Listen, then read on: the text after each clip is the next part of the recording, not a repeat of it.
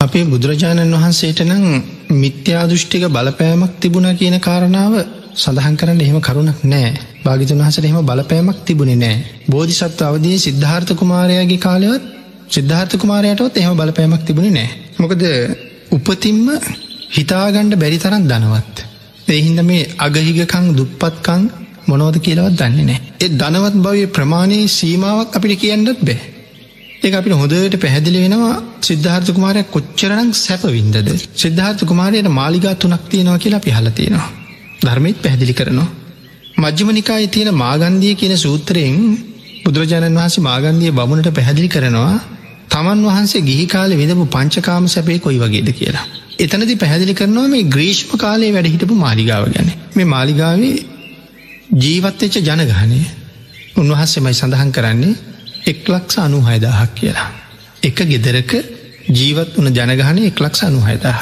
මේකත් එක්ක සාකච්ඡා කරන්න තියෙන ඇතකොට අතීතයේ දියුණුව කොච්චරද කියලා.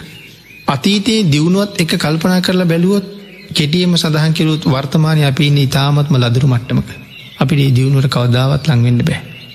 බෝසත්වරු ලෝකෙ පහළ වෙන්නේ දියුණුවේ ඉතාම උච්චත මවදී එනි සාතීතය ඉතා දියුණුයි කෙනෙක් සැක කරන්න පුළුවහනි මේවාගේ මාලිගා හදන්ඩ කොච්චර කල්යන්න ඇද කියලා. එච්චර කල්ගේ නෑමකදේ තරම්ම දක්ෂයි. එතකොට මේ මාලිගාව ජීවත්තෙච් එක්ලක්ෂ අනුහයදාහින් හතලිස් දාහක් සාක්කි කොමාරිකාව.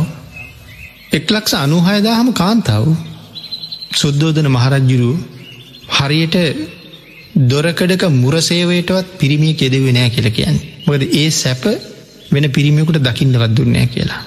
එනම් මේ එක්ලක්ෂ අනු හයදාහම සිද්ධාර්ථකුමාරයාගේ භාරියාව. භාරියාව හැටියට හිටපු අය. දෙකට ඒ තරම් මහ පුුණ්‍ය ශක්තියක් බමුණට පැහැදිලි කරන්නේ තමන් විඳපු පංචකාමය ගැනනි. එතකොට මුලින් ඉගෙන ගත්තේ නෑ කියලා කිසිම රජ කෙනෙක් සිද්ධාර්ථ කුමාරයට දුවක් දෙන්න කැමති වුණේ නෑ. ඉගෙන ගෙන නෑ කියලා. ඉතින් ඒ වෙලා තමයි තාත්තට යෝජන කළේ එහෙමනම් මම ශිල්ප පෙන්න්නම් කියලා. ඉගෙනගත්ත නැති බව ඇත්ත. නමුත් ඉතින් මම දන්න ශිල්ප පෙන්න්නම් කිව්වා. ඊටවස් තමයි රජ්ජුරුව ඒ සඳහා කටයුතු ලෑස්ති කළේ. ඒ වෙලා ගිහිල්ලා අවුරුදු දාසයයි වයස ගිහිල්ල කෙලීම අතර ගන්න තාත්තක දුන්න සුද්දෝධන මහරජ්ජුරන්ගේ දුන්න. සුද්දෝධන රජ්ජුරන්ගේ දුන්න අදින්ට සාමාන්‍ය මිනිසු දාහක් ඕනේ ඒකෙන් පේන සුද්දෝධන රජරුම තරන් ශක්තිමත්ත කියලා. තාත්තා හිටගෙන පය ඉස්සරහට තියලා වාරුවරන් අදින දුන්න අවුරුදු දාසේ පුතා අදින්නේ උත්කොටිකෙන් හිදගෙන. එතරන් ශක්තිමත්. දුන්නෙන් දක්වන්න තියෙන ශිල්ප දක්වපු හැටි අනිත් ශිල්ප ප්‍රදර්ශනය කරපු හැටි සර්බංග ජාතක තමයි පැදිලි කරලති ඉතින් ඒ කාරණාව මේ වෙලා අපිට සාකච්ඡා කරන්න වෙලාවක් නැතිවී මෙයාගේ මේ විශ්මය ජනක ශිල්ප දැක්වීම බෝසතාණන් වහන්සේගේ.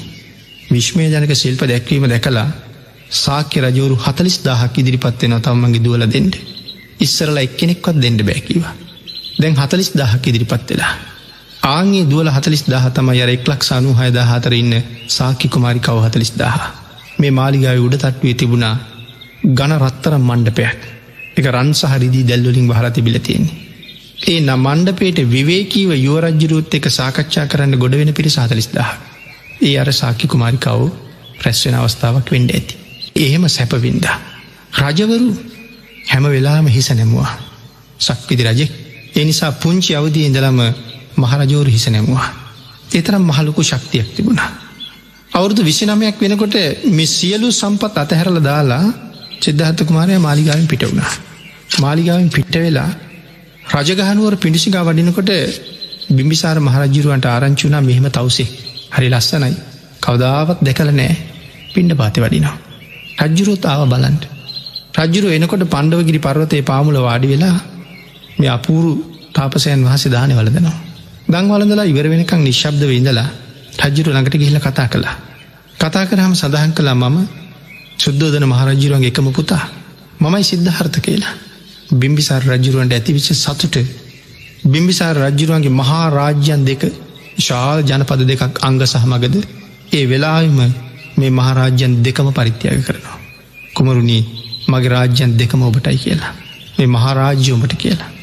එතකොට සිද්ධාර්ථ කුමාරයක මොන්න තරම් පුුණ්‍ය මහිමයක් තියෙන් ඕනෙන් මොකද බිම්බිසා රජ්ජුරු අවුරුදු දාසේ රාජ්‍යත්වයට පත්වෙලා අවුරුදු දාසයක රජ කෙටියට තමයි බිම්බිසා රජ්ජුරු අනික් දේශය යටත් කරන්නේ. තමන් යටත් කරගත්ත මහා දේශයන් දෙකම කිසිම යුද්ධයක් නැතුව පිරිනමන්න පුළුවන් තරන් හැඟීමක් ඇති වුණනි බෝසතාණන් වහස ළඟති විච අප්‍රමාණ පුුණ්‍ය මහිම නිසා. තැ නිකම්ම දෙෙන්ටන හැදුවේ. සිද්ධාර්ථ කුමාරය ප්‍රතික්ෂේප කළා. ම ඔයිට වඩා ලොකු රාජ්‍යයක් දාලෙන්නේ පොයිට වඩා ශස්ත්‍රීක රාජ්‍යයක් දාලෙන් හත් දවසකින් ලැබෙන්ටි විචි සක්විති රාජ්‍ය දාලා යන්නේ. බුද්ධ රාජ්‍ය හැන්ඩ නමුත් බිම්බිසා රජ්ජුරු මේ මහා පුුණ්‍යවන්තයට රාජ්‍ය පූජා කරලා ඒ කුසලේ එහෙම්ම මත්පත් කරගත්තා. මොකද හිතේ එකක් තියාගෙන නෙමේ පූජ කළේ පූජා කලාමයි. ආපහු බිම්බිසා රජ්ජුරු රාජ්‍ය පාලනය කරන්නේ බෝසතාණන් වහන්සේ එපා කියපු හින්දා. නැත්තන් දීලමයි තිබුණේ. ඇති කුසලේ පූරෝචේතන මුංචන චේතන අපරචේතන කියන තුනම බිම්බිසා රජ්ජුරන්ගේ වෙලා පිරිසිදුයි නිසා ඒ මහ පින්කමම කරගත්තා. බෝසතාණන් වහන්සගේ පුුණ්‍ය මහිම එහෙමයි. දර මේ අන්‍ය තීර්ථකයන්ගෙන් කියලා කාගෙන්වත් මහ බල පැන් තිබුණ නෑ. බුදුරජාණන් වහන්සේ ඔය පරිබ්‍රාජිකාරාමවලට ඒවාගේ මේ අන්‍ය තීර්ථක නිගන්ටාරාමවලට භාගිතන් වහසේ වැඩම කරපු අවස්ථා අපි පිටකේ බොහොම සඳහන් කරන. ඒ අයගව පුදුම සහයෝගයක් තිබුණා. භාගිතුන් වහස සම්බන්ධයෙන්. බුදුරජාණන් වහසේ නිශ්ශබ්දතාවයට ඉතාම කැමති බව මේ අයි දන්නවා. එනිසා සමහර අන්‍ය තීර්ථක ආරාමෝලට භාගිතුන් වහසේ වඩිනව කියලා දැනගත්ත හම ධර්මයම සඳහන් කරලා තියෙන ඒ ස්ථානවල ආගමික නායකයෝ තමන්ගේ පිරිස් නිශ්ශබ්ද කරනවා.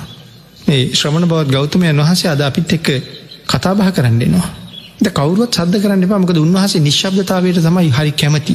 උන්වහසේ අපිත් එක්ක සාකච්ඡාකට කවරුවත් මැද්දෙන් පැනල ප්‍රශ්නහන්න එපා. මොද උන්වහන්සේ සාකච්ඡා කරන තැන එහෙම අනවශ්‍ය ප්‍රශ්නහන්නේ නෑ. කවරුවත් සද්ධපද්ධ කරන්නෙත් නෑ. ඕගොල්ලු මැද්දෙන් පැන පැන ප්‍රශ්නහන්ට පටන්ගත්තොත් උන්වහන්සේ හිතයි මේ ශාස්තෘුවරුන්ට තමන්ගේ හිත දමනය කරගන්න තියා අඩුම තරම ළඟ ඉන්න පිරිසොත් දමනය කරගන්න බෑ කියලා. එහිද නිශ්ශබ්ද වෙන්න හැමෝම. කියල ඒවාගේ භාග්‍යතුන් වහන්සේට අනුව ඒ වෙලාවේ ඒ අය අනුගත වුණා. බොහෝම සුහද සීලී වුණා. භාගිතුන් වහන්සේත් ගිහිල්ල බොහෝම හොඳින් ඒ ඇත්තෙක් කතා බහ කරලා පවස්ථා තිබුණා. එනිසා කාගෙන්වත් මේ අන්‍ය තීර්ථකාය කියලා භාගිතුන් වහසට බාධාවල් පීඩාවල් ඇතිවෙන්ඩ ආවිනෑ යම් යම් අවස්ථාවන්වල යම් යම් අය උත්සාහ කලා ඔය රාජිකාරාමය වගේ හැදෙන්නේ නිසා. නිගන්ට පිරිසක් ජේතවනාරාමිගව පන්සලක් හදන්ඩ ගිය. නමුත් භික්ෂූන් වහසලගේ නිවනට ඒක බාධාවක ගොලු හරියට කෑගහනවා එයින්ද තින් රජරුවන්ට පනිවිඩියක් යවම එක නවත්තන්ඩ කියලා. ආනන්ද හාමුදුරුව එනවා දැකල කොසල් රජිරු දොර වැහවා. ඇවිල්ල කිව ස්වාමිනි රජිරු දොර වහගත්ත කියලා ඉට පස්කිවත් සැරියොත් මොකලක් දෙන මොහන්සේට භාගිතුන් වහස සිහිපත් කලා රජරුවන්ට ගිහිලම එක නවත්තන්ට කියන්ට උන්වහසල දෙන වඩනකට රජ්ජුරුදර වැහවා. උන්වහසල දෙනමත් ඇවිල්ලකිව ස්වාමී රජ්ජුරු දරවාගත්ත කියලා. ඒ වෙලා වෙන ප්‍රකාශයක් කළා මහරජ්ජිරුව දන්නේ මේ මහෞත්තමයන් දෙන්නට දොරවහලා තමන් කරගත්ත පවමොකක්ද කියලා. කවදහරි දවසක කොසල් රජ්ජිරු මැරෙන්නේ රාජ්‍ය අහිමි වෙලා කියල දේශන කළා. ඒ පව නිසා. එක හෙම විපාක දුන්නා. ඊට පස භාගිතුන් හස වැඩිය. හැබැති භාගිතුන් හස වඩනකොට කාටවත් දොරල්ල හන්ඩ බෑ රජ්ජුරු පෙරමගට ඇවිල්ල වැඳල පිළි අරගෙන පන්සල් හදනක නතර කෙරෙවා. නිගන්ටයෝ හදහදා හිටපු පන්සල් රජ්ජුරුව හැදවා. හදල ඒක භාගිතුන් වහන්සේ ඇතුළු ශාසනයට පූජ කලා ඒක තමයි රාජිකාරාමය කියලකය. ඉ ඒවාගේ බලපෑම් ආපතැන් තිබුණ නිගන්ටාදීගෙන් නමුත් වෙන ලොකු බලපෑම් ඔය මල් ගොඩක මරලා හංගලා හිටපු හැටි මේවාගේ දේවල්ලින් බලපෑන් තිබුණ භාගිතුන් වහස්සක ඉතාම් සුහදිසීලීව බොහෝ දෙන කටයුතු කලා. එඳ ලොකු බලපෑමක් භාගිතුන් හසට කාගින් වත්ති බුන්නෑ භාගිතුන් හසට බලපෑම් කරන්නත් කාටවත් බැහැ. ඉති ඒ නිසා එදා සමාජයේ එහම බලපෑම් භාගිතුන් හසල් ලොකොට තිබුණ නෑ කියල තමයි සඳහන් කරන්තින් පොඩිපොඩි දේවල් තිබුණ නොත් මහලොකු බලපෑම් කරන්න කාටවත් බැරිවුණ.